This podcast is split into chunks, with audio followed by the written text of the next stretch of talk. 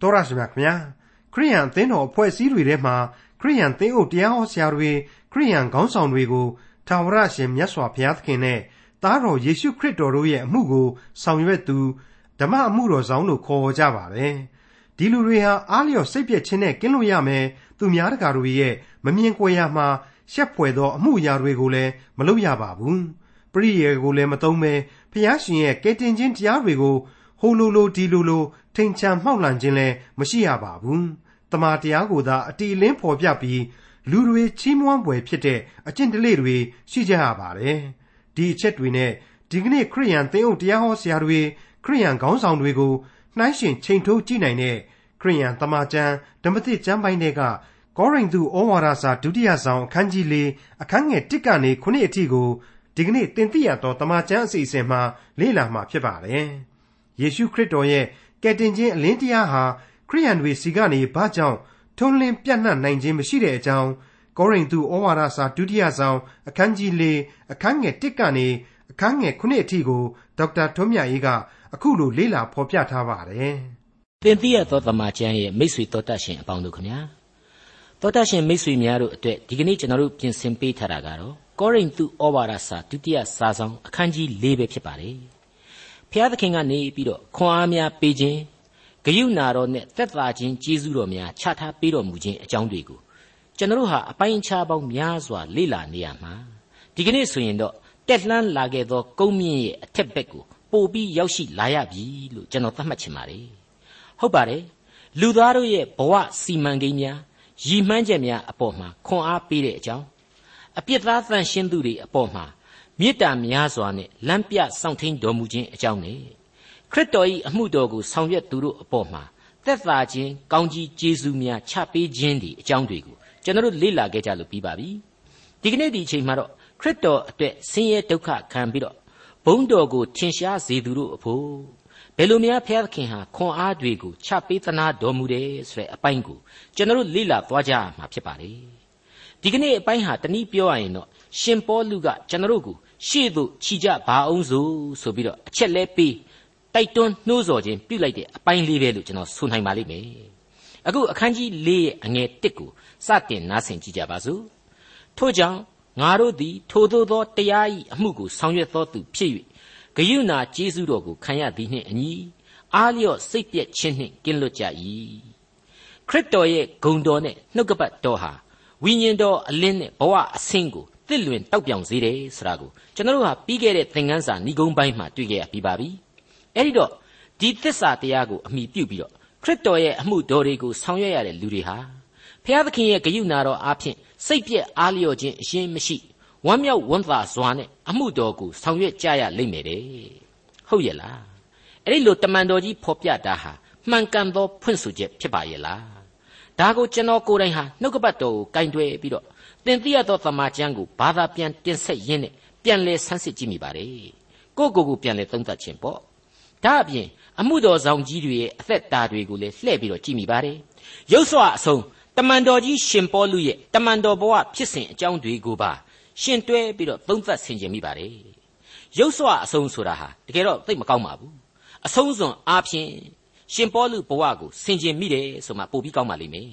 ဟုတ်ပါတယ် အားလျော့စိတ်ပြက်ခြင်းဆိုတဲ့အသွေးအသားရဲ့နှိပ်စက်မှုကိုသာခံရတယ်ဒါကိုမငြင်းနိုင်ဘူးဒါပေမဲ့အောင်မြင်အောင်ကြော်လွှားနိုင်ကြတယ်ဆိုတဲ့အဖြေကိုရှင်ပေါလုပေးလိုက်ပါတယ်ဘာကြောင့်အောင်မြင်အောင်ကြော်လွှားနိုင်ကြတယ်လဲဆိုတော့ကိုယ်တိုင်ဟာအသက်အလင်းကိုမြင်ရပြီအသက်လမ်းကိုရှောက်ရပြီဒီတော့ယုံကြည်သူအမှုတော်ဆောင်တို့အဖို့ဟာအလိုအလျောက်ကျေးဇူးတော်ကိုခံရသည်နှင့်အညီအားလျော့စိတ်ပြည့်ခြင်းနှင့်ကင်းလွတ်ခွင့်ကိုရလာတယ်ဆိုတာကိုပေါ်လူပြောနိုင်ပါတယ် အသက်အိတ်အလင်းဆိုတာကနော်မနေ့ကကျွန်တော်ရှင်းပြခဲ့တဲ့အတိုင်းပဲကျွန်တော်တို့ဘဝအသက်တာမှာအသရေအလင်းကိုတိုးပွားစေတယ်ဘုံတော်ရောင်ချီကိုပွင့်လန်းစေတယ်ပုံတရံကိုပါဝိညာဉ်သဘောအရာပြုပြင်ပြောင်းလဲအသစ်ဖြစ်ပွားစေတယ်ဆိုတာကိုကျွန်တော်တို့မေ့ထားလို့မရနိုင်ပါဘူးအဲ့ဒီအသက်ရဲ့အလင်းဆိုတာဟာနှုတ်ကပတ်တော်အားဖြင့်ရရှိတယ်ခရစ်တော်အားဖြင့်ရရှိနိုင်တယ်တန်ရှင်းသောဝိညာဉ်တော်နဲ့လည်းရရှိနိုင်တယ်ကျွန်တော်တို့ကနောင်တနှလုံးသားရဲ့ယုံကြည်ခြင်းရဲ့သာပေးဆက်ရတယ်ဘာမှ အကျိတ်အနေကြီးချွေးပြိုက်ပြိုက်ကြလောက်အောင်သေလူမျိုးပါကြိုးစားပန်းစားအားထုတ်နေစရာမလိုပါဘူးဒီနေရာမှာကျွန်တော်ကတခုထည့်ပြောချင်ပါတယ်ကမ္ဘာလောကကြီးပေါ်မှာယုံကြည်ခြင်းတရားတွေဟာအမျိုးမျိုးရှိပါတယ်အဲ့ဒီထဲမှာခရစ်တော်အားဖြင့်တည်မှီရတဲ့ယုံကြည်ခြင်းတစ်ခုပဲသက်သာရာသက်သာကြောင်းရှိတယ်လို့ကျွန်တော်တို့သေသေးချာချာနှိုင်းရှင်ချက်ထုတ်ပြီးပြောနိုင်ပါတယ်ဘာဖြစ်လို့လဲဆိုတော့အခြားသောယုံကြည်ခြင်းကျင့်စဉ်တွေဟာမျော်လင့်ခြင်းတွေဟာကိုကပေးဆက်ရတာကြီးများတယ် ယုံကန်အားထုတ်ရတာကြီးပဲများတယ်ခရိယန်တို့အဖို့ကတော့ခရစ်တော်ကားတိုင်းပေါ်မှာကြင်ညာသံရှိခဲ့ပြီးပြီလေအဲ့ဒါကတော့ရှင်းရှင်းလေးပဲအမှုပြီးပြီတဲ့ဘာအမှုပြီးတာလဲဆိုတော့လောကသားတို့ရဲ့အပြစ်အတွက်အသက်အသွေးနဲ့ပူဇော်ပြီးပြီလို့ဆိုလိုတာပဲဖြစ်ပါတယ်ဒါကိုယုံကြည်ခြင်းနဲ့အသင့်ခုဆွတ်စားတော့ပြီးတဲ့နောက်သာဝရအသက်လမ်းကိုလူသားတို့ရရှိအောင်စီရင်တော်မူတဲ့သခင်ကျေးဇူးဟာဘလောက်ကြီးမားတယ်လေ ဒီကျေးဇူးတော်ဆိုတာကလေတန်ရှင်းသောဝိညာဉ်တော်ကိုစယံအဖြစ်ချထားပေးတယ်ဆိုတာပြီးခဲ့တဲ့အခန်းကြီး1သင်ခန်းစာမှာတုန်းကအငယ်22မှာကျွန်တော်တို့တွေ့ခဲ့ရပြီးပါပြီအဲ့ဒီစယံအဖြစ်ခံရတဲ့ဝိညာဉ်တော်ခွန်အားဟာတနေ့တည်းတနေ့ပို့ပို့ပြီးတော့ကြီးမားအားကောင်းလေးလေးဝိညာဉ်အရှိန်တကိုးနဲ့အသရေထွန်းတောက်လေးလေးပဲဆိုတာကိုကျွန်တော်တို့ခံယူမှတ်သားကြရပါမယ်ဒီအချက်တွေအကြောင်းကိုရေးသားဖော်ပြရသွားတဲ့တမန်တော်ကြီးရှင်ပေါလုအကြောင်းကိုပဲစဉ်းစားကြည့်ပါ သူဟာကိုယ်တိုင်ကဂျူးဖာရိရှဲကြီးတယောက်ဖြစ်ခဲ့တယ်ပြည့်ညတ်တော်ကိုအသေးဆွဲလန်းခဲ့တဲ့လူကြီးတယောက်ဘဝကနေမှပြောင်းလဲလာတယ်ဆိုတာကိုအားလုံးသိပြီးသားဖြစ်တဲ့အတိုင်းပါပဲဒါကြောင့်လဲသူခရစ်တော်နဲ့ခရိယန်တွေဆိုရင်အတိတ်ကာလတုန်းကအသေးလဲမုန်းတီးခဲ့တယ်ဆိုတာတွေ့ရပါတယ်ဒါတော့သူဟာသူခံစားရတဲ့ကျေးဇူးနဲ့ဂရုနာတော်ရဲ့သဘောကိုသူများတဲ့ပို့ပြီးသိတယ်တနည်းအားဖြင့်ဘဝကြမ်းကြည်တယ်လို့ဆိုကြပါလေသူကိုယ်တိုင်ဟာခရစ်တော်ကိုဘလောက်သိကျွမ်းနားလေသွားတယ်ချစ်ခင်သွားတယ် သူ့ဘဝဟာဘလောက်ကြီးအထိပြောင်းလဲသွားရတယ်ဆိုတာကိုဖိလိပ္ပိဩဝါဒစာအခန်းကြီး3အငယ်9မှ9အတွင်းမှာအခုလိုရှင်းရှင်းကြီးသူကိုယ်တိုင်ဖော်ပြထားပါတယ်သို့တော်လေငါဤအကျိုးစီးပွားကိုပြုစုသောအရာရှိသမျှတို့ကိုရှုံးစေသောအရာကဲ့သို့ခရစ်တော်ကြောင့်ငါထင်မှတ်၏ထိုမြတ်မကငါ၏သခင်ယေရှုခရစ်ကိုသိသောပညာသည်အဘယ်မျှလောက်မြတ်သည်ကိုထောက်၍ခတ်သိမ်းသောအရာတို့ကိုရှုံးစေသောအရာကဲ့သို့ငါထင်မှတ်၏တဲ့ တိကျပြတ်သားလွန်းတဲ့အဲ့ဒီဖော်ပြချက်ဟာခရစ်တော်ရဲ့မဟာကျေးဇူးဂရုဏာတော်အကြောင်းကိုရှင်းရှင်းလင်းလင်းကြီးဖော်ပြနေပါတယ်မိတ်ဆွေအပေါင်းတို့ခမညာလူသားတို့ဘဝမှာအားလျော့စရာတွေစိတ်ပြည့်ရင်မောရတာတွေဒါတွေဟာပုံစံအမျိုးမျိုးနဲ့ရှိနေစမြဲပါပဲအဲ့ဒီလိုအားနေခြင်းအချက်တွေကိုသိနာလေလေးလေးဒုက္ခဆင်းရဲခြင်းအကြောင်းကိုသဘောပေါက်လေးလေးဖျားသခင်စီကဂယုနာတော်ကိုမျှော်လင့်တောင့်တရလေးလေးလို့ကျွန်တော်ဆိုချင်ပါတယ်တမန်တော်ကြီးကတော့ ဝိညာဉ်ခွန်အားအပြည့်အဝနဲ့သူ့ရဲ့ပြောင်းလဲသောအသက်တာမှာဆိုရင်စိတ်ပြည့်အားလျော့ခြင်းများမရှိတော့ဘူးခရစ်တော်ကလွဲလို့လောကမှာကြံရှိတဲ့အရာတွေဟာသူ့အတွက်အနှုတ်လက္ခဏာတွေကြီးပဲလို့သူတော့ရှင်းရှင်းပဲသဘောထားလိုက်ပြီဆိုပြီးတော့အခိုင်အမာဖော်ပြလိုက်ပါတယ်ကောရိန္သုဩဝါဒစာဒုတိယစာဆောင်အခန်းကြီး၄အငယ်1စိတ်ွယ်ရာအရ၌ပြုသောအမှုကိုအမှုများကိုပယ်ကြ၏ပရိယေကိုမသုံး ဖျားသခင်၏နှုတ်ကပတ်တရားတော်ကိုထိန်ဖွဲ့မှောက်လှန်ခြင်းမရှိတမာတရားကိုအတိအလင်းဖော်ပြ၍ဖျားသခင်ရှေ့တော်၌လူအပေါင်းတို့၏စိတ်ထင်အတိုင်းချီးမွမ်းပွေသောအကျင့်တလိကိုကျင့်ကြ၏ကယ်တင်ရှင်သခင်ခရစ်တော်အပေါ်မှာယုံကြည်ခြင်းတရားကြောင့်ဘုရားသခင်ကယ်တင်ခြင်းကျေးဇူးကိုခံရတဲ့လူဟာကိုယ်တိုင်ကကိုခံစားရတဲ့အလင်းတရားကိုသူတစ်ပါးရှေ့မှာလင်းရှင်းစေရမှာဖြစ်ပါတယ်။ရောင်ပြန်ဟပ်စေရမှာဖြစ်ပါတယ်။ကိုခံစားထားရတဲ့ကျေးဇူးဟာအကျွင့်မဲ့သောကျေးဇူးဖြစ်တယ်။ အသက်လန်းကိုဖြစ်စေသောကျေးဇူးဖြစ်တယ်ဆိုတာကိုဘာမှကျွန်တော်တို့ကထိန်ချန်ထားစရာမလိုပါဘူး။ဒါကိုဝမ်းမြောက်ဖွယ်သောဧဝံဂေလိတရားဆိုပြီးတော့ကျွန်တော်တို့သုံးဆွဲပါတယ်။အဲ့ဒီဝမ်းမြောက်ဖွယ်သောတရားတော်မှာပရိယေတွေလည်းမသုံးဘူးတဲ့ရှင်ပေါလုပြောလိုက်တယ်ပြီးတော့ဧဝံဂေလိသတင်းစကားကိုဆောင်ကျင်းသူတမန်တော်တို့ဟာစိတ်ွယ်ရာအရတ်မှာရှက်เสียကြောက်เสียအမှုတွေကိုလည်းမပြုတ်ဘူးတဲ့အဲ့ဒါဟာတကယ်တော့ဇာတိပဂရိလူစိတ်တို့ကိုတော်လှန်ပစ်ပြီးတဲ့နောက်ဘု ရားသခင်ရဲ့အလင်းတရားကိုဖော်ဆောင်ခြင်းတဲ့သူတော်စင်တို့ရဲ့အခြေခံကိုကျင့်တရားအကြောင်းကိုဖော်ပြပြောဆိုလိုက်ခြင်းပဲဖြစ်ပါတယ်ကိုကပါဇက်ကဖះဖះလက်ကကာယကာယသမားမဟုတ်ဘူးကိုအားဖြင့်ဘုရားသခင်ရဲ့ဝိညာဉ်တော်တန့်ရှင်းတာကိုသိစေရမယ်ဆိုတဲ့စိတ်ပြဋ္ဌာန်းချက်ကြီးနဲ့ကိုကိုကိုချုပ်တီးခြင်းဖြစ်ပါတယ်အပြစ်သွေးဆောင်ရသို့မလိုက်မပါစေဘဲနဲ့မကောင်းသောအမှုအရာမှလည်းကယ်နှုတ်တော်မူပါဆိုပြီးတော့အစဉ်တစိုက်ဘုရားသခင်စီမှာခွန်အားယူနေရတဲ့ ယုံကြည်သူတို့ရဲ့တက်တည်အထောက်အထားတစ်ခုပဲလို့ကျွန်တော်ဆိုချင်ပါတယ်ဒီနေရာမှာပရိယေလည်းမရှိစိတ်ွယ်ရာမှာရှက်ဖွယ်အမှုလည်းမပြုဆိုတာကိုရှင်ပေါလုဘာကြောင့်ပြောသလဲကျွန်တော်ကတော့သူဟာပါရိရှဲဖြစ်ဖူးတဲ့လူတစ်ယောက်အနေနဲ့ပါရိရှဲတွေအကြောင်းကိုသိလို့ပြောခြင်းပဲဖြစ်တယ်လို့ကျွန်တော်တွေးပါတယ်ခရစ်တော်ကိုယ်တိုင်ကအဲ့ဒီလူတွေကိုဆွဆွဲခဲ့တာရှိပါတယ်လျှို့ဝှက်ဆိုးညစ်တော်သူများတို့တဲ့ရှင်းနေပါတယ်နော်အဲ့ဒါကိုအင်္ဂလိပ်ကတော့ hypocrite ဆိုပြီးတော့သုံးပါတယ် ခရစ်တော်တက်တော်စင်မှာအဲ့ဒီလိုလျှို့ဝှက်အပ်သောလူညဉ့်ညမ်းဖာရိရှဲတွေတကောက်ကောက်လိုက်လံနှောက်ယှက်ခဲ့တာကိုခရစ်ဝင်ကျမ်းတွေမှာသက်သေအထောက်အထားများနဲ့အခိုင်အမာကျွန်တော်တို့တွေ့ကြရပါတယ်ခရစ်တော်မို့လို့တရားဟောပြီးအံ့ဩဖွယ်တကိုးနမိတ်ပြပြီဆိုရင်တို့ဘိုဒီဘတ်တွေနဲ့ရောက်လာပြီပောက်ကရတွေဝင်ပြောပြီမလွတ်မကင်းနေမေးပြီအဲ့ဒါသူတို့အချင်းပြီးတော့သူတို့ကသူတို့ကိုသူများအထင်သေးမှာကိုလေသိပြီးစိုးတယ်လीအဲ့တော့ကြောင်သူတော်ပုံစံမျိုးအမြဲချိုးတယ် မကောင်းတဲ့မိမတယောက်ကိုဂဲနဲ့ပေါက်သတ်မယ်ဆိုပြီးတော့ဟန်ပြင်းတဲ့အထဲမှာသူတို့ပဲကောင်းဆောင်ခဲ့တာပေါ့သူတို့ကပဲလူစုပေးတာလीပြီးတော့ခတ်တီတီနဲ့ပြည့်ညတ်တော်အရာဆိုရင်ဒီမိမကိုဂဲနဲ့ပေါက်သတ်ရပါမယ်ကိုတော့ဘာပြောကျင်ပါသလဲတဲ့ခရစ်တော်ကိုသူတို့ကချီပြီးတုပ်ပြီးမေးကျင်တဲ့သဘောကြောက်ချကျင်တဲ့သဘောခရစ်တော်ကသာမသတ်ရဘူးဆိုရင်ပြည့်ညတ်တရားကိုဖောက်ဖျက်တယ်ဆိုတဲ့သဘောပေါ့ခရစ်တော်ကိုဓမ္မကျမ်းရဲ့ရန်သူကြီးအဖြစ်သူတို့သတ်မှတ်မယ်ခရစ်တော်ကအေးမင်းတို့သတ်ချင်ရင်လည်းသတ်ပေါ့ကွာ ဒါပေမဲ့မင်းတို့မှာကိုယ့်ကိုယ်ကိုအပြစ်ကင်းတယ်လို့ထင်တဲ့လူကအရင်စပြီးပေါက်စီဆိုပြီးတော့ခရစ်တော်ဟာမြေကြီးပေါ်မှာငုံပြီးတော့စာရီရေးရင်းနဲ့စောင့်နေတဲ့အချိန်အကုန်လုံးကုတ်ကုတ်ကုတ်ကုတ်နဲ့ခဲကလေးတွေနှပေးချပြီးပြန်သွားကြရတယ်အဲ့ဒါဟာသူတို့ကိုယ်တိုင်လေအဲ့ဒီမကောင်းတဲ့မိမလိုပဲမယိုးမဆွဲမဟုတ်တန်းတရားတွေကိုလူမသိအောင်လှုပ်ထားကြတယ်ဆိုတာကိုပြနေတာပဲပြီးတော့ခရစ်တော်ကိုတခါတလေမှမိကွန်းတီထုတ်တာဟာခရစ်တော်ကိုယောမအာနာပိုင်တွေနဲ့ပြဿနာမှာဖြစ်ဖြစ်အောင် ယောမအာနာပိုင်တွေကနေဖမ်းပြီးတော့သတ်အောင်ဒါမှမဟုတ်ရင်လေခရစ်တော်ရဲ့နောက်လိုက်တွေနဲ့ရံမဖြစ်ဖြစ်အောင်ဆိုပြီးတော့တမင်ကြောက်ချပြီးတော့မိကွန်းတီထုတ်ခဲ့တာပြဿနာတွေဖန်တီးခဲ့တယ်ဆိုတာကိုလည်းကျွန်တော်တို့တွေ့ရပါတယ်အဲ့ဒါဟာအဲ့ဒီပေါလုပြောနေတဲ့ပရိယေသမားတွေဟန်ဆောင်ပန်ဆောင်မှုလောကလူညစ်ပတ်တွေရဲ့တရုပ်တွေပါပဲဘာပဲဖြစ်ဖြစ်ပါလူဆိုတာဟာအပြစ်နဲ့ဘယ်သူမှမကင်းဘူးဆိုတာကိုကျွန်တော်အကြိမ်ကြိမ်ပြောခဲ့တော့အခုကျမ်းထဲမှာရှင်ပေါလုထည့်သွင်းထားတဲ့အချက်တစ်ခုကိုလေသေသေးချာချာရှင်းရပါလိမ့်အောင်မယ်။ တမာတရားကိုအတိအလင်းဖော်ပြတဲ့အမှုတော်ဆောင်တို့ဟာလေလူသားတွေကလူတွေပဲဖြစ်တယ်မပြည့်စုံနိုင်ဘူးဆိုတာကိုလူအပေါင်းတို့ဤစိတ်ထင်အတိုင်းချီးမွမ်းပွေသောအကျင့်တလိကိုကျင့်ကြ၏ဆိုတဲ့အချက်နဲ့ဖော်ပြလိုက်ခြင်းပါပဲ။တနည်းအားဖြင့်တို့တွေဟာလူသားတွေဆိုတော့လူစံချိန်စံညွှန်းနဲ့ကြိမှသာတန်ရှင်းစင်ကြယ်မှဖြစ်တယ်ဆိုတဲ့ချွင်းချက်ကလေးထည့်သွင်းလိုက်ခြင်းပါ။ကောရိန္သုဩဝါဒစာဒုတိယစာဆောင်အခန်းကြီး၄အငယ်3နဲ့4ငါတို့ဟောပြောသောဧဝံဂေလိတရားသည် ဖုံးအုပ်လျက်ရှိလျင်ဆုံးရှုံးသောသူတို့အားသာဖုံးအုပ်လျက်ရှိ၏ထို့သောမယုံကြည်သောသူတို့ကဖျားသခင်၏ပုံသဏ္ဍာန်တော်ဒီဟုသောခရစ်တော်၏ဘုံအသရေနှင့်ပြည့်စုံသောဧဝံဂေလိတရား၏အယောင်သည်အလင်းကိုမပေးစေခြင်းဟာဤလောကကိုအစိုးရသောဖျားသည်သူတို့၏ဉာဏ်မျက်စိကိုကွယ်စေ၏ဧဝံဂေလိတရားတော်ဟာဖျားသခင်နဲ့ခရစ်တော်ရဲ့ဘုံအသရေနဲ့ပြည့်စုံတယ်တဲ့ဟုတ်တယ်နှုတ်ကပတ်တော်ဆိုတာဟာလူစားတီကိုခံယူလိုက်ရင် ခရစ်တော်ကိုယ်တိုင်ပဲဆိုတာကိုရှင်ယောဟန်ခရစ်ဝင်ကျမ်းမှာအတိအလင်းဖော်ပြထားခဲ့တယ်မဟုတ်ဘူးလားနှုတ်ကပတ်တော်ဆိုတာဟာအဲ့ဒီလိုခရစ်တော်ဝိညာဉ်သာဖြစ်လို့သက်တမ်းအရာတွက်ဆလို့မရကောင်းတဲ့အစအဦးဆိုတဲ့အချိန်အနန္တကာလကလေးကဖျားသခင်နဲ့အတူရှိခဲ့တဲ့အရာပဲဆိုတာကိုကျွန်တော်ရှင်ယောဟန်ခရစ်ဝင်ကလေးကရှင်းလင်းခဲ့ပြီးပါပြီဒါကိုမိษွေတော်တတ်ရှင်တို့အနေနဲ့ရှင်ယောဟန်ခရစ်ဝင်ကျမ်းရဲ့ပထမဦးဆုံးသောအခန်းတွေကိုပြန်လဲဖွင့်လှစ်လေ့လာမယ်ဆိုရင်ပို့ပြီးတော့အကျိုးရှိနိုင်ပါတယ် အဲ့ဒီလိုအလင်းတရားအသက်လမ်းကိုအစဉ်တစိုက်ပုတ်ခတ်တိုက်ခိုက်နေတာ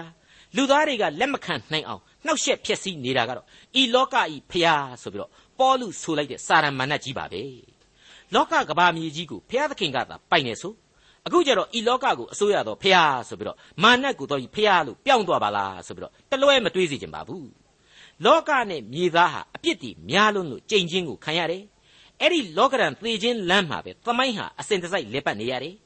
အဲ့ဒီမှာတင်အဲ့ဒီအပြက်လန်းကိုလွှမ်းမိုးပြီးတော့မင်းမှုနေတာကတော့စာရံပဲဆိုတာကိုဆိုလိုခြင်းဖြစ်တယ်ဒါပေမဲ့နော်အဲ့ဒီလိုအပြစ်သားကြီးတွေကိုယ်နှလုံးသားကိုဘုရားသခင်စမှာဆက်ကပ်ပြီးတော့နောင်တတရားနဲ့ဘုရားသခင်လက်တော်ကိုသာတွေ့ထားယုံကြည်ခြင်းတရားကိုစောင့်ရှောက်ပြီးတော့တန်ရှင်းသောဝိညာဉ်တော်ကိုသာဘဝကိုပုံအပ်ပြီးတော့ဥဆောင်ခိုင်းကြည့်ဘာစာရမှကြာကြာမခံနိုင်ဘူးအေးအဲ့ဒီသဘောတရားအမြင်မရှိပဲစာစကလေးကကြမ်းတမ်းခိုင်မာတဲ့လူနှလုံးသား ဖျားသခင်ကိုခြေစုံကန်ပြီးတော့နောင်တဆိုတာလေးတောင်မရှိတော့အောင်မိုက်မှားနေပြီဆိုရင်တော့စာရန်ဝါမျိုးတာကိုအကျွင့်မဲ့ခံသွားရလိမ့်မယ်အခုရှင်ပေါလုကတတိပေးပါတယ်စာရန်မန်နဲ့ကြောင့်မျက်စိတွေကန်းနေတယ်ဧဝံဂေလိတရားကြီးအလင်းရောင်ကိုမမြင်နိုင်အောင်အမှောင်ကျနေရတယ်တဲ့အဲ့ဒါဟာလေသူ့ဘဝအတွေ့အကြုံကိုပဲသူပြန်ပြီးတော့ကိုးကားတာပဲဆိုတာရှင်းနေပါတယ်ကျွန်တော်ပြောခဲ့တယ်လို့ပေါ့သူဟာလူမိုက်ကြီးဘဝကနေခရစ်တော်ကိုယ်တိုင်ကလက်ရွေးစဉ်အဖြစ်ရွေးကောက်ပြောင်းလဲတာလည်းပါတယ်ဒါပေမဲ့ စကလေးကသစ္စာတရားကိုတော့ရှာဖွေခြင်းတဲ့လူပဲဖြစ်လိမ့်မယ်ဆိုတဲ့အချက်ကိုကျွန်တော်အလေးအနက်ထည့်သွင်းစဉ်းစားမိပါတယ်။ဩဥပမာပြောခဲ့ဘူးတဲ့အတိုင်းသူ့ရှေ့မှာတင်သွေးတွေမြေခပြီးတော့သေလူဆဲဆဲတထေဖန်ဆိုတဲ့ယုံကြည်သူတယောက်ကောင်းကင်ကိုမျှော်ကြည့်ပြီးတော့ခရစ်တော်ကိုတန်တာတာသူ့ကိုတတ်တဲ့လူတွေရဲ့အပြစ်ကိုခွင့်လွတ်ပါဖျားဆိုပြီးတော့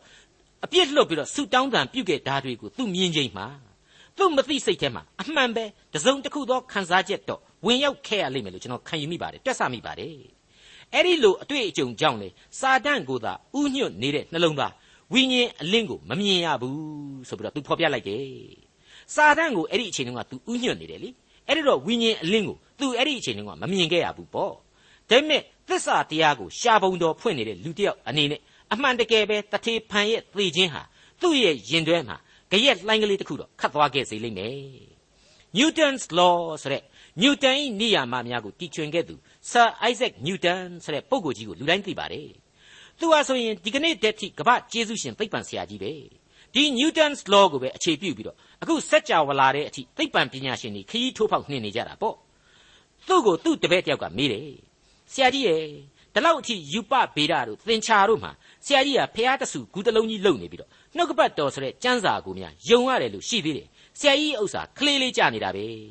အံ့ပါရဲ့ ကျွန်တော်ဆိုရင်သိပ္ပံပညာနည်းနည်းပါးပါးစတတ်လာကြတဲ့ကဖះသခင်ကိုမယုံတော့ဘူးတဲ့သဘာဝတရားကိုပဲကိုးကွယ်တယ်တဲ့ God of nature ပေါ့သဘာဝတရားလေအဲ့ဒါကိုပဲသူကကိုးကွယ်တယ်တဲ့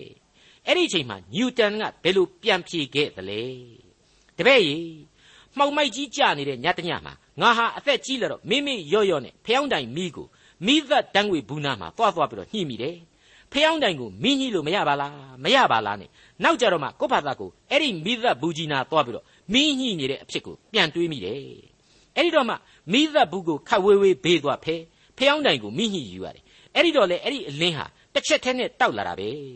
မင်းလည်းအဲ့ဒီလိုပဲမိသက်တန်းငွေဘူးကြီးနားမှာဖျောင်းတိုင်အလင်းကိုလိုချင်တာမျိုးဖြစ်နေပြီနဲ့တူတယ်ငါတပည့်နှုတ်ကပတ်တော်ကအလင်းတရားကိုလိုချင်ရင်အရင်ဥဆုံးမိသက်တန်းငွေဘူးနဲ့တူတဲ့မာမာနတွေ စကြတဲ့ကဘုရားသခင်ကိုတမင်ဆန့်ကျင်ပုန်ကန်ခြင်းနဲ့သဘုံအတွေးအခေါ်မျိုးတွေကိုအရင်ဖယ်ရှင်းထားဖို့လိုသေးဆိုပြီးတော့ပြန်ပြောခဲ့တယ်လို့ဆိုပါတယ်အဲ့ဒါဟာကမ္ဘာအေယာမသိပ္ပံပညာရှင်ကြီးတပါးရဲ့အံ့ဩပွေသောလက်တွေ့သက်သေခံချက်ပါကောရိန္သုဩဝါဒစာဒုတိယစာဆောင်အခန်းကြီး၄အငယ်9ငါတို့သည်ကိုယ်အကြောင်းကိုဟောပြောကြသည်မဟုတ်ယေရှုခရစ်သည်သခင်ဖြစ်တော်မူကြောင်းကို၎င်းငါတို့သည်ယေရှုအတွက်သင်တို့၏ကျွန်ဖြစ်ကြောင်းကို၎င်းဟောပြောကြ၏ ကိုယ်အကြောင်းကိုကိုပြောတာမဟုတ်ဘူးဆိုတာပေါလုထည့်ပြောလိုက်တာကိုစိစိတွေးပြီးတော့ကျွန်တော်ပြုံးမိပါတယ်အဲ့ဒီစကားထဲမှာကိုကလူတဘာဝအကြောင်းကိုသိတာပေါ်ထွန်းနေစေပါတယ်လူစရာဟာကိုကောင်းတဲ့အကြောင်းကိုတော်တဲ့တတ်တဲ့အကြောင်းကိုသိပြောကျင်ရတယ်ဆိုတာကိုမိမောင်းထိုးပြသလိုက်တဲ့အတူတူပါပဲတမန်တော်ကြီးရှင်ပေါလုကအခုလိုပြောလိုက်တာဟာသဘောကတော့စကားဆက်လို့ပြောအောင်မေဟိငါတို့ကိုကြွားနေတယ်များမထင်နဲ့နော်ငါတို့မှာဘာဆိုဘာမှကြွားเสียမရှိဘူးဟိ ကိုယ့်ရဲ့သခင်ဖြစ်တဲ့ယေရှုခရစ်အကြောင်းကိုပဲပြောနေတာပါကွာဆိုတဲ့သဘောပါမှန်ပါတယ်ကျွန်တော်ကလူရှင်တော်တွေပြောတဲ့စကားတစ်ခုကိုတော့ပြီးတော့စဉ်းစားမိပါတယ်မင်းငါလာမဆန်းနဲ့ဘယ်ဘက်ကဆန်းဆန်းဂျိုင်းမွေးကြီးပဲတဲ့နောက်တစ်ခုလည်းရှိသေးတယ်အိမ်ပေါ်ကိုတက်လာလိုက်ကြတဲ့သမက်လောင်းနေရလေအကုန်လုံးဇော်လေးကြီးပဲပထမတစ်ယောက်ကကျွေးနေနောက်တစ်ယောက်ကျတော့လေပွေးနေဟုတ်ပါတယ်လူသားဟာဘယ်သူမှအပြစ်မလွတ်ပါဘူးအပြစ်လွတ်တဲ့လူရဲ့လို့လောကလူသမိုင်းမှာတူးတယ်ပဲရှိပါတယ် အဲ့ဒါကတော့ဖျားသခင်ရဲ့ဝိညာဉ်လူသားကယ်တင်ရှင်ယေရှုတပါးသာရှိပါကြောင်းအလေးအနက်တင်ပြလိုက်ပါရစေအဲ့ဒီအပြစ်အရှင်းမရှိတဲ့သခင်ဟာလူသားအလုံးရဲ့အပြစ်များကိုကိုစားခံယူပြီးတဲ့နောက်ကားတိုင်တော်ပေါ်မှာအသေးခံယူခဲ့ပါတယ်အသေးခံခဲ့ပါတယ်အသက်ကိုတင်လှူပူဇော်ခြင်းဖြစ်ပါတယ်အဲ့ဒီလိုအသက်ကိုတင်လှူပူဇော်ခြင်းရစ်ပူဇော်ခြင်းဟာရှေးကာလဗျာဒိတ်တော်များအတိုင်းအပြစ်ဖြေရှင်းခြင်းအတွက်ရစ်ကောင်တစ်ဖွဲ့အပူဇော်ခံပေးခဲ့ခြင်းပဲဖြစ်ပါတယ် ကောရိန္သုဩဝါဒစာဒုတိယစာဆောင်အခန်းကြီး၄အငယ်6မှောင်မိုက်ထဲကအလင်းထွန်းလင်းမိအကြောင်းမိန့်တော်မူသောဘုရားသခင်သည်ယေရှုခရစ်၏မျက်နှာ၌ထွန်းလင်းသောဘုရားသခင်၏ဘုန်းတော်ကိုသိသောဉာဏ်၏အယောင်ကိုပေးလိုသောငါငါတို့စိတ်ထဲ၌အလင်းကိုထွန်းလင်းစေတော်မူ၏ရှင်ပေါလုဟာဒီအပိုင်းမှာကပ္ပဦးကျမ်းတဲ့ကဖန်ဆင်းခြင်းအကြောင်းကိုပြန်လဲအောက်မေ့သတိရပြီးတော့ဆုံးမဩဝါဒပြုလိုက်ခြင်းဖြစ်ပါတယ် ဖျားသခင်ကနေအလင်းဖြစ်စေဆိုတာနဲ့ချက်ချင်းအလင်းဆိုတာဟာဖြစ်လာရတယ်ဆိုတာကိုကပ္ပဦးကျမ်းကဖန်ဆင်းခြင်းဂန္ဓမှာကျွန်တော်တို့တွေ့ခဲ့ရပါပြီအဲ့ဒီဖန်ဆင်းခြင်းအကြောင်းတွေဒီနေရာမှာရှင်ပေါလုကစလိုက်တော့ကျွန်တော်ကလည်းပြောချင်တာတွေရှိလာပါတယ်ဖန်ဆင်းတော်မူခြင်းရဲ့အချိန်ကာလကိုတချို့ဟာဘယ်နှစ်နှစ်လောက်ရှိပြီလဲဆိုပြီးတော့သိပ္ပံအတတ်ပညာနဲ့တွက်ဆကြတယ်တချို့ကြတော့လေဖန်ဆင်းခြင်းဆိုတာကိုအရှင်းမယုံကြည်ကြတာရှိတယ်စသဖြင့်ပေါ့90သားလောက်သာရှိတဲ့အုံနှောက်တွေနဲ့လေ အမျိုးမျိုးပဲလူသားဟာကြပြောင်းကြပြန်နေဖြစ်နေကြတယ်အောင်မယ်တချို့ကြတော့လေ formula တွေဘာတွေနဲ့တောင်မှချပြီးပြလိုက်တာများကြော့နေတာပဲအဲ့ဒီဖန်ဆင်းခြင်းကိုဆန့်ကျင်တဲ့ကဘာကြီးမှာသူ့ဟာသူပောက်ကွဲဖြစ်ပေါ်တယ်ဆိုတဲ့ theory ကြီးကိုလေထုတ်တဲ့လူကထုတ်ပြီးတော့အဟုတ်မှတ်တဲ့လူတွေကလည်းမှတ်တယ်အဲ့ဒီအဟုတ်မှတ်တဲ့လူတွေထဲမှာကျွန်တော်ကိုယ်တိုင်လည်းရောင်းပေါင်ပြီးတော့ပါခဲ့ဘူးသေးတယ်လေ ပါခဲ့ဘူးလို့အမေရိကန်ကသိပ္ပံပညာရှင်ကြီးစတီဖန်ဂျေဂိုးဆိုတဲ့ပုဂ္ဂိုလ်ကြီးရဲ့ဆောင်းပါးရှည်ကြီးကိုဘာသာတောင်ပြန်ခဲ့ဘူးတယ်ဆိုတာကိုအတိတ်သင်ခန်းစာတစ်ခုမှကျွန်တော်ဝန်ခံခဲ့ဘူးပါတယ်။ तू ကဒါဝင်ရဲ့တရွေ့ရွေ့ဖြစ်စဉ်ကိုလက်မခံဘူး။ဒါဝင်ဖြစ်စဉ်ကိုလက်မခံဘူးဆိုလို့လေဘုရားသခင်ကိုတော့လက်ခံတယ်များတော့မထင်နဲ့နော်။ तू ကဒါဝင်တဲ့ဆိုးတယ်။ကဘာကြီးဟာလူဖြစ်မဲ့တတ္တဝါတွေစီကနေဒိုင်းကနေဒိုင်းကနေနှစ်ပေါင်းသန်းနဲ့ချီပြီးအကြမှာအဆင့်ဆင့်ပောက်ကွဲဖြစ်ပေါ်တယ်ဆိုပဲ။ तू ကအဲ့လိုပောက်ကွဲတယ်ဆိုတော့ကိုကလည်းလိုက်ပြီးပောက်ကွဲပါတယ်ဆိုပြီးတော့ဘာသာပြန်မိခဲ့ပါတယ်အဲ့ဒါလွန်ခဲ့တဲ့16နှစ်အချိန်လောက်ကသုတပရိသာမဂ္ဂဇင်းကြီးထဲမှာပါပဲအမှန်တော့ဖျားသခင်ဟာစัจ java လာအနန္တကိုဖန်ဆင်းတော်မူတယ်သူ့ရဲ့အနန္တဉာဏ်တော်နဲ့လှုပ်ဆောင်တဲ့အမှုအရာကိုကျွန်တော်ဟာသူသိစေခြင်းတလောက်သာသိခွင့်ရနိုင်တယ်သူမသိစေခြင်းတာတွေကိုတော့ဘယ်လို့မှအတိအကျမသိနိုင်ဘူးလို့ပြက်ပြက်သားသားပဲကျွန်တော်အခုဆိုချင်ပါတယ်ဒီလိုကိုယ်တိုင်ကရောင်ပေပေဖြစ်ခဲ့တာကို အရှိအတိုင်းပြောပြရခြင်းဟာကျွန်တော်ကိုယ်တိုင်ဟာဘုံတော်ကိုသိသောဉာဏ်ဤအယောင်ကိုမခံစားရတဲ့သဘောစိတ်ထဲမှာမှောင်မိုက်ကြီးစိုးခဲ့ဘူးတယ်ဆိုတဲ့လူသားရဲ့အားနည်းချက်တရက်အဖြစ်ခံစားခဲ့ရတယ်ဆိုတဲ့အကြောင်းကိုဝန်ခံခြင်းလို့ပါမှားမိလွန်းလို့စိတ်ပြက်လို့ပါယေရှုရှင်ကယ်မသနာဆိုတဲ့ဓမ္မတီချင်းကလေးတွေကအတိုင်းပဲဘဝမှာအမှားတွေဟာအများကြီးရှိခဲ့တယ်ဆိုတဲ့ကိုယ့်ဘဝမှန်အကြောင်းကိုဖော်ပြရခြင်းပဲဖြစ်ပါတယ်ကဲအခုအချိန်မှာတော့ရှင်ပေါလုဖော်ပြခဲ့တဲ့အတိုင်း ကိုယ့်အကြောင်းကိုမပြောဘဲနဲ့ခရစ်တော်ရဲ့ကယ်တင်ခြင်းတရားအကြောင်းကိုပဲပြောရတာဟာပို့ပြီးမွန်မြတ်မှာဖြစ်လို့ကောရိန္သုဩဝါဒစာဒုတိယစာဆောင်အခန်းကြီး၄အငယ်9ကိုဆက်လက်ပြီးတော့နားဆွင့်ကြည့်ကြပါဦးသို့တော်လေတကိုးတော်ဤဂုံအသေးသည်ငါတို့နှင့်မဆိုင်ဖျားသခင်နှင့်ဆိုင်မည်အကြောင်းထိုဗန္တာသည်မြေအိုးထဲမှထည့်ထားလျက်ငါတို့၌ရှိ၏အတော်ကြီးကိုလေးလေးနက်နက်စဉ်းစားရမယ်ကြံစကားအပိုင်းကိုရောက်လာပါတယ်တကိုးတော်ဟာဖျားသခင်အားဖြင့်သာဖြစ်တယ် ဒါပေမဲ့အဲ့ဒီဗန္တာဒီဟုသောတကိုးတော်ကိုဘယ်မှာထားတယ်လဲထူးထူးခြားခြားကြီးနော်ကတိကတ်ကြီးမြေအိုးထဲမှာထည့်ထားတယ်တဲ့အဲ့ဒီမြေအိုးဆိုတာကတော့တခြားဥပမာမဟုတ်ဘူးကျွန်တော်လူသားတွေတဲကအမှုတော်ဆောင်တွေကိုယ်တိုင်ကိုဥပမာပြုလိုက်တာပါပဲဒါကြောင့်လေပေါလုကအငယ်ငားမှာတော့ငါတို့သည်ယေရှုအတွက်အမှုတော်ကိုဆောင်ရတဲ့လူလောကအဖို့ကျွံတွေပဲတဲ့ဖော်ပြခဲ့သေးတယ်ဟုတ်တယ်ဓမ္မအမှုတော်ကိုလူလောကအတွက် ရှင်ပေါလုတိမောသေလုကာဗန္ဒဗပေတရုယောဟန်မာကုဆိုတဲ့တမန်တော်ကြီးတွေဟာဆောင်ကျင်းခဲ့ကြတယ်။ဧဝံဂေလိသတင်းကောင်းကိုတည်ဆောင်ဖော်ပြခဲ့ကြတယ်။ဒါပေမဲ့အဲ့ဒီလူသားကြီးတွေဟာမြေနဲ့ပြုတ်လုထားတဲ့အပြစ်သားလူတ attva တွေကြီးပဲဖြစ်ကြတယ်။ဒါပေမဲ့သူတို့ရဲ့မြေအိုးဒီဟူသောခန္ဓာရဲ့နှလုံးသားထဲမှာတော့တကိုးတော်ဤဂုံအသရေကိုဖျားသခင်ဟာထည့်ထားပေးနေလေရဲ့။မိတ်ဆွေအပေါင်းတို့ခမညာမြေသားဖြစ်တဲ့ကျွန်တော်ဆိုတဲ့ကောင် ကိုဝန်ခံခဲ့တဲ့အတိုင်းအပြစ်နဲ့ဘယ်လို့မှမကင်းတဲ့တတ္တဝါတကောင်ပဲလို့ပြောလို့ရပါတယ်။တနည်းအားဖြင့်အလွန်အဆင့်နှိမ့်တဲ့မြေအိုးတူပေါ့။ဒါပေမဲ့ဖျားသခင်ကျေးဇူးတော်ကြောင့်နှလုံးသားထဲမှာဖျားသခင်ဗန္တာတော်ဖြစ်တဲ့သင်သိရသောတမန်ကျမ်းကိုဆောင်းပြီးတော့မိษွေတို့ရဲ့ကျွန်တယောက်အဖြစ်အမှုတော်ကိုဆောင်းပေးခွင့်ရခြင်းတက်တက်တာဖြစ်ကြောင်းဝန်ခံပါရစေ။မိษွေအပေါင်းတို့ခမညာတမန်တော်ကြီးရှင်ပေါလုရဲ့အခုဖော်ပြလိုက်တဲ့ကျမ်းလေးဟာ ကောင်းလွန်အားကြီးလို့ကြက်သိမ်းမွေးခြင်းထလောက်အောင်ရှိတယ်လို့ကျွန်တော်ဝန်ခံခြင်းပါတယ်သို့တော်လေတကိုးတော်ဤဂုံအသရေသည်ငါတို့နှင့်မဆိုင်ဖျားသခင်နှင့်ဆိုင်မည်အကြောင်းထိုဗန္တာသည်မြေအိုးထဲမှထည့်ထားလျက်ငါတို့၌ရှိ၏တဲ့မိမိခန္ဓာဒီဟုသောမြေအိုးတဲကဗန္တာကိုတောင်းမှဖော်ပြဖို့တန်ရဲ့လားဆိုတဲ့ကိုကိုကိုဆန်းစစ်မှုနဲ့ကျွန်တော်များစွာကြက်သိမ်းမွေးခြင်းထားမိပါတယ်မိမိရဲ့ရုပ်တရက်အင်အားကိုတော့အပြင်းထန်ဆုံးသုံးပြီးတော့ကြိုးစားပါတယ် ဝိညာဉ်ခွန်အားမှာတော့အလွန်တရာတကြီးတရိုင်ဖြစ်တတ်ပါတယ်ကိုပြောနေတာတွေဟာကိုအကြောင်းမဟုတ်ပဲခရစ်တော်အကြောင်းဖြစ်ဖို့တနည်းအားဖြင့်မြေရနံ့လုံးဝကင်းရှင်းတဲ့ကယ်တင်ခြင်းတရားဖြစ်ဖို့ခရစ်တော်ရဲ့ဘုန်းတော်ကိုအမှန်ထင်ရှားစေဖို့ဖြစ်ရမယ်ဆိုပြီးတော့ယဉ်နှင်းအောင်ကြိုးပမ်းအားထုတ်ပါတယ်ဒါပေမဲ့ဇာတိပဂရိအရာအပြစ်သားရဲ့လူသားကိုခန္ဓာဟာရုပ်ဘဝခန္ဓာဟာအပြစ်ဘက်ကိုလူရဲ့ဆွဲငင်ခြင်းခံရရတယ်လို့ပဲလို့ကျွန်တော်ယင်ထဲမှာခန်းစားရပါတယ် ကျွန်တော်ဟာဒီအပိုင်းမှာတရားသူကြီးမှတ်စာတွေကဂိတောင်ဆိုတဲ့တရားသူကြီးရဲ့ခေတ်အကြောင်းကိုအောက်မေ့မိပါတယ်အဲ့ဒီတရားသူကြီးဂိတောင်ဟာမိဒရန်ရန်သူတွေရဲ့တပ်ဝင်းတဲကိုထိုးဖောက်ဝင်ရောက်တိုက်ခိုက်ရမှာမြေအိုးတွေကိုသုံးခဲ့ရတဲ့အကြောင်းကိုတရားသူကြီးမှတ်စာအခန်းကြီး9ထဲမှာရှင်းရှင်းကြီးတွေ့ခဲ့ရပါတယ်အဲ့ဒီမြေအိုးတွေထဲမှာမှဂိတောင်ဟာမိကွက်တွေထည့်ထားခဲ့ပါတယ်ရန်သူတွေသူတို့ရဲ့အလင်းရောင်ကိုမမြင်အောင်လို့မြေအိုးတွေနဲ့ဒီမိကွက်တွေကိုသယ်ဆောင်သွားတယ် တကယ်တိုက်ခိုက်မဲ့အချိန်ကျတော့မှမြေအိုးတွေကိုအပြိုင်ခွဲပြီးတော့တဘိုးကိုမှုတ်စစ်ခရာကိုတွတ်ပြီးတော့အလင်းရောင်အောက်မှာတိုက်ပွဲဝင်ခဲ့ကြတယ်ရန်သူတွေအပေါ်မှာအောင်ပန်းဆင်နိုင်ခဲ့ကြတယ်လို့တရားသူကြီးမှတ်စာအရကျွန်တော်တို့သိရပါတယ်ဒါကိုတရားသူကြီးမှတ်စာမှာသင်ခန်းစာများယူခြင်းရင်အခန်းကြီး9ကိုပြန်ပြီးဖတ်ကြည့်ကြပါလို့ကျွန်တော်အားပေးပါရစေကျွန်တော်ရဲ့မျက်မှောက်ခေပြဿနာကတော့အလင်းရောင်ကိုထုတ်ဖော်ဖို့အရေးအတွက်မြေအိုးဆိုတဲ့အပြစ်ဘဝကိုမခွဲနိုင်ကြခြင်းပဲဖြစ်ပါတယ် မြေသားရဲ့ယနံ့ကိုတွေ့တာခြင်းမြေမာသာကတ်ရပြီးတော့တန်ရောစင်ကြီးမားနေခြင်းပဲဖြစ်ပါတယ်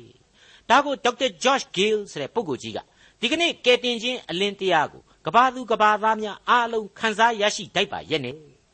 ယုံကြည်ခြင်းအလင်းတရားကိုရရှိထားသူလို့ဆိုတဲ့အိုးတွေဟာ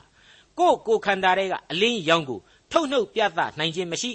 တနည်းအားဖြင့်ကိုယ့်ရဲ့ဇာတိပဂရိကိုစွန့်ပစ်နိုင်ကြခြင်းမရှိတဲ့အတွက်ကြောင့်ကယ်တင်ခြင်းအလင်းတရားဟာ မပြန့်နှံ့နိုင်သေးတာပဲဆိုပြီးတော့ပြောခဲ့ပါတယ်ဟုတ်ပါတယ်ဖျားသခင်ရဲ့ဂရုနာတော်နဲ့သက်သာခြင်းအခွင့်ကိုယုံကြည်သူခရိယန်တို့ဟာထိန်ချန်လျှို့ဝှက်လို့ထားနေကြစေဖြစ်ပါတယ်ဒါဟာတမင်ထိန်ချန်ခြင်းလို့တော့လေကျွန်တော်မစွဆွဲခြင်းပါဘူးမြေရနံ့ကိုသာမဲ့မောမှားဟာမြေသားဖြစ်တဲ့လူတွေအဖို့အလွန်တဘာဝကျလှပါတယ်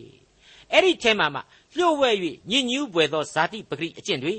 လောကရဲ့ဘယင်ဖြစ်တဲ့စာရန်ကိုသာဖက်တွေအားပြုမှုတွေ ကယ်တင်ရှင်ကိုအကျွင့်မဲ့အားကိုယုံကြည်မှုမရှိဘဲနဲ့ယုံကြည်ခြင်းရိမ့်ရိုင်မှုအသက်ရှင်တော်မူသောအနန္တတကုရှင်ဘုရားသခင်ကိုကြောခိုင်းပြစ်ခွာမှုတွေဟာအကြီးအကျယ်အကျုံးဝင်လိမ့်မယ်လို့ကျွန်တော်ဆွဲဆိုချင်ပါတယ်တမန်တော်ကြီးရှင်ပေါလုကိုယ်တိုင်ရဲ့ဘဝအတွေ့အကြုံတွေကလာတဲ့ဒီဩဝါဒစာကြီးဟာဖြင့်အလွန်လေးနက်တဲ့ဝိညာဉ်ရေးသင်ခန်းစာတွေကိုပေးခဲ့ပါတယ်ပေးနေစေရှိပါတယ်ဆက်လက်၍လည်းပေးလို့သွားအောင်မှာဖြစ်ပါတယ်ဒီကြားထဲကမှကျွန်တော်ဆိုတဲ့ဟောပြောသူတယောက်ဟာလေ ကိုယ့်ရဲ့ဘဝသင်ခန်းစာများကိုအခုလိုထည့်သွင်းဖော်ပြပေးခြင်းအပြင်မိษွေတို့ကျွန်တော်အတွက်ဆုတောင်းပေးခြင်းကိုကျွန်တော်အလေးအနက်မျှော်လင့်မိပါတယ်ကျွန်တော်ဟာလည်းကျွန်တော်တို့အဖို့အလင်းကိုထွန်းလင်းစေတဲ့ကယ်တင်ရှင်သခင်ခရစ်တော်ရဲ့နာမတော်အားဖြင့်မိษွေတို့အားလုံးဟာဘုန်းတော်အလင်းရောင်တွေကိုတွေ့မြင်နိုင်ကြပါစေဖို့ဆုတောင်းပေးလိုက်တဲ့အကြောင်းလေးနဲ့စွာတင်ပြပါရစေဒေါက်တာထွန်းမြတ်ရေးစီစဉ်တင်ဆက်တဲ့တင်ပြရသောတမချန်းအစီအစဉ်ဖြစ်ပါတယ်နောက်တစ်ချိန်အစီအစဉ်မှာ ခရိယန်တမချန်းဓမ္မသစ်ကျမ်းပိုင်းတွေကကောရိန္သုဩဝါဒစာဒုတိယဆောင်အခန်းကြီး၄အခန်းငယ်၈ကနေအခန်းကြီး9အခန်းငယ်3အထိကိုလေ့လာမှဖြစ်တဲ့အတွက်စောင့်မျှော်နားဆင်နိုင်ပါတယ်။